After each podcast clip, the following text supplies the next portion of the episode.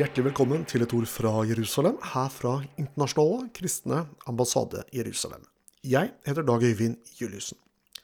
I dag har vi fått besøk av redaktør fra avisen Norge i dag, Bjarte Ystebø. Og vi går rett på sak, eh, Bjarte. Hva er din vurdering av norske mediers dekning av Israel? Begrepet fake news er jo blitt mye eh, slengt rundt omkring, eh, og eh, ofte med urette. Eh, hvis mediene rapporterer noe vi ikke liker å høre, så er det fristende å kalle det for fake news. Men akkurat når det gjelder Israel, eh, så er det faktisk eh, treffende. Fordi at det er ikke det nødvendigvis at det rapporteres faktiske feil, men at dimensjoneringen og, og porsjoneringen og vinklingen er så uriktig. Og at det er så utbredt det er ikke sånn at du har noen medier som ligger på høyresiden som forteller én historie, og noen som ligger på venstresiden som forteller en annen. Men alle mediene forteller samme ensidige fortelling som ikke harmonerer med, med virkeligheten. Og, og, det utgjør jo et stort problem. Egentlig et eh, medieetisk og for så vidt eh, demokratisk problem også, når befolkningen blir så til de grader eh, underinformert eller feilinformert eller eller ting blir fremstilt eh, på en så skeiv måte. Så det er, det er, faktisk et av de store problemene vi har i norske medier. etter min mening. Hva er årsaken til at eh, det er så vidt kanskje ensretta, eller at man går såpass i flokk her? Det er jo flere grunner til det, men, men vi, må, eh, vi må vel peke på her, det skiftet som skjedde på 70- og 80-tallet blant, eh, på venstresiden. For husk at Etter 68 så var det jo venstresidens eh, eh, ledere som inntok alle maktposisjoner i samfunnet. Eh, fordi at de var flinke, og de studerte, og de var intellektuelle. Eh, og derfor inntok de alle politikkens korridorer og forlagene og mediene og osv. videre. Og når deres sympati skiftet fra å være pro Israel Eh, til å være pro-Palestina-araberne, så skjedde det også noe med mediedekningen. Og, og det, er jo, det, er jo, den virkeligheten vi lever i. Vi lever jo preget av den virkeligheten som, som denne generasjonen med ledere eh, har stått for. Og det er, tror jeg er opphavet til at vi har en så skeiv fortelling. Og så kommer ikke vi ut, utenom at eh, vi må stille spørsmålet også om det kan finnes en åndelig forklaring på det. Fordi at eh, eh når fakta er så iøynefallende, og de skulle være tilgjengelige for alle. Hvorfor vil de ikke fortelle det? Det må være noe mer enn politikk som ligger bak. Så jeg tror, eh, jeg tror det er hovedforklaringen. Liksom venstresidens agenda, deres sympati med den ene part, og også eh, at her eh, befinner vi oss i en åndskamp eh, rundt Israel. Mm. Hva savner du i presentasjonen av det som skjer i Israel?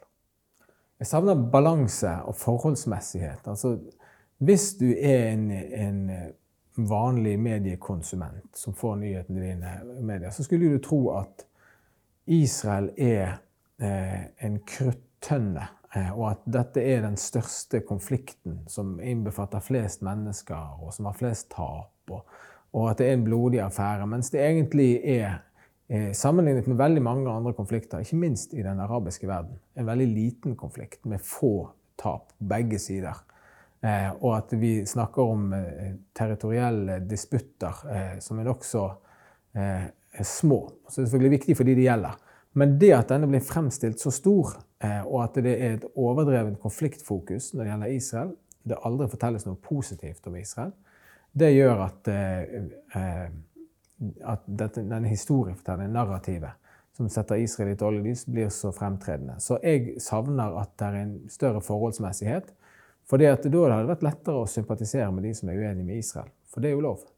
Eh, hvis det var basert på at, eh, at på det var en forholdsmessig virkelighetsbeskrivelse som eh, vi forholdt oss til. Så det er et stort savn. Mm. Hvilken rolle spiller eh, statskanalen NRK i nettopp denne saken her? Det har jo vært den viktigste historiefortelleren om Israel eh, i hele Israels historie i Norge. Eh, og Israels, korrespondent, korrespondentene i eh, NRK har vært de viktigste stemmene, sammen med NTB. Eh, og eh, begge lener seg på eh, den samme virkelighetsbeskrivelse. Det har ikke vært noen som har avveket ifra det, eh, den tradisjonen. Det har vært noen ganger at vi har hatt litt forventninger til at kanskje denne korrespondenten vil være annerledes. Men så er det akkurat som det skjer noe, og så plutselig er det ikke det likevel. Eh, så det, er, det, har vært den dominerende stemmen, eh, og er det fortsatt faktisk i Midtøsten-dekningen. Hvordan opplever du at denne utviklingen har vært de siste, siste åra?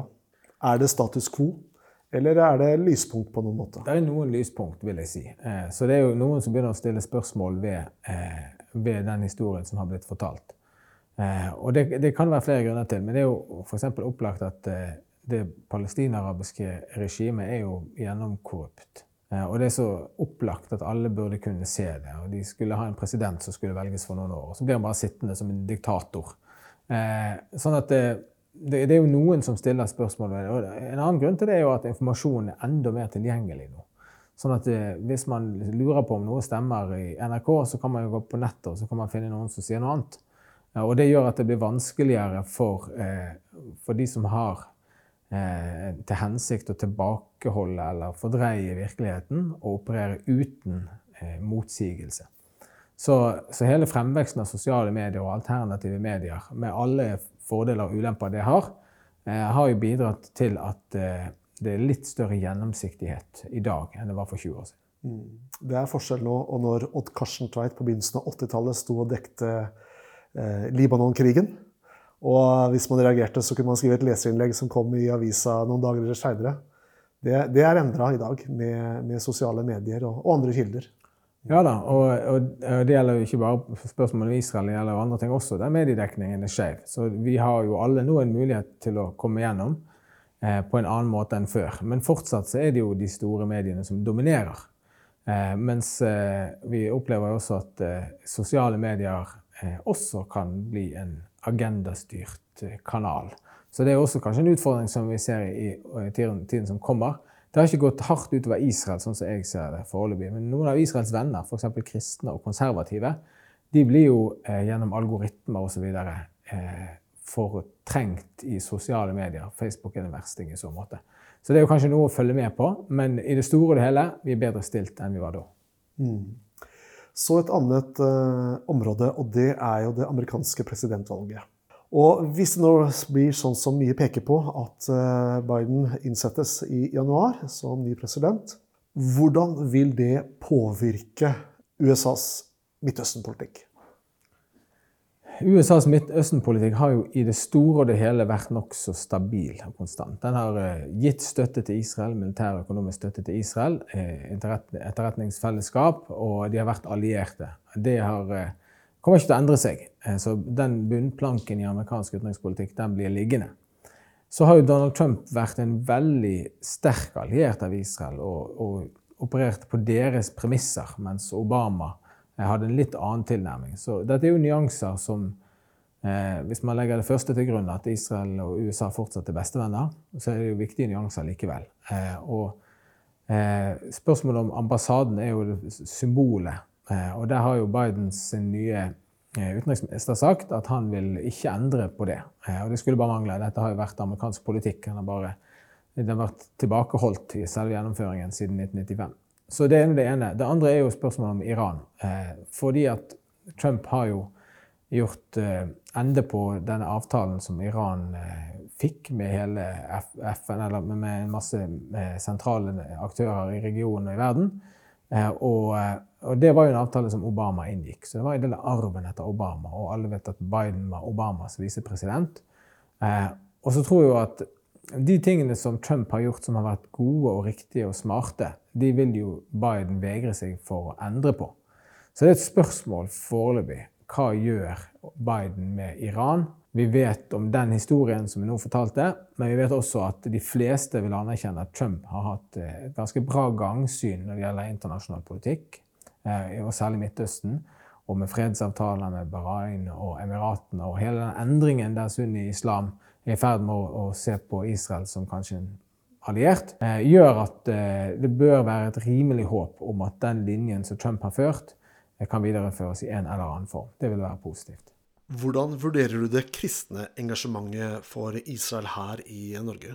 Nei, vi lever jo i en polarisert verden, og det har jo også slått inn i kristenheten. Eh, og det betyr jo at eh, de som eh, kanskje var litt uinteresserte til Israel tidligere, de er blitt enten helt kjølige eller kanskje motstandere av Israel. Mens de som var positive til Israel, er blitt enda mer sterke i sin støtte til Israel. Så det gjør jo at Israels venner er en mye sterkere mobilisert gruppering i dag enn de var for 30-40 år siden og 20 år siden. Så det har vært en veldig positiv eh, utvikling. Eh, og så er det jo, med unntak av noen eh, marginale, liberale kirker som, som er veldig anti-Israel, og som har vært det siden 70-tallet, eh, så er jo norske kristne positive til Israel. Norske pastorer, enten de er opptatt av snakker om det eller ikke, så er de jo positive til Israel. De ønsker å ha en forståelse av at Israel er en del av Guds plan, at vi har et slektskap med jødene, og at vi står i gjeld til dem, osv. Så, videre. Eh, så utfordringen blir jo kanskje å, å dra litt i disse som, som har denne grunnleggende holdningen, men som kanskje mangler kunnskap og frimodighet. Så det tror jeg eh, er en, en, status på situasjonen. Israels venner er blitt mer nidkjære, om du vil, tydelige. Eh, og fiendene er blitt det, det samme. Eh, og så tror jeg det er et potensial for å skape økt forståelse for Israel. Mm. Hva tenker du om den yngre generasjonen inn i eh, det spørsmålet her? Det er det samme. Eh, der vil du finne noen radikale stemmer som ikke vil støtte Israel. Og der er mye teologisk villfarelse også på det punktet. Eh, men samtidig så er det jo sånn at de som er på min alder, eh, som er i 40-årene, som leder eh, menigheter, de er vokst opp med forkynnelsen om Israel, om endetiden og historien om jødene. Så jeg mener at potensialet er bra for at den generasjonen med pastorer også skal ta dette videre til neste. Men de gjør seg ikke sjøl. Og det er en av grunnene til at arbeidet til denne organisasjonen er så viktig. Fordi at det er sånn at skal du ha noe igjennom, vi vil jo at pastorene skal selvfølgelig forkynne hele Bibelen og hele Guds råd til frelsen. Skal du ha noe igjennom, så må du ha noen som brenner ekstra for dette. Ja, og IKA gjør det, og er sånn sett en eh, bjellesau innenfor kristenheten. Eh, og det, det, tror jeg blir eh, de neste 20 årenes kanskje kamp å spre dette budskapet om, at, om vårt slektskap med Israel, vårt takknemlighetsgjeld til Israel, og Guds plan med Israel og forståelsen av situasjonen. Eh, og jeg mener den kampen er det godt mulig at vi vinner. Takk til deg, Bjarte Ystebø. Og vi er kommet til veis ende i et ord fra Jerusalem, fra Internasjonale kristne ambassade Jerusalem. Jeg heter Dag Øyvind Juliussen. Takk for følget.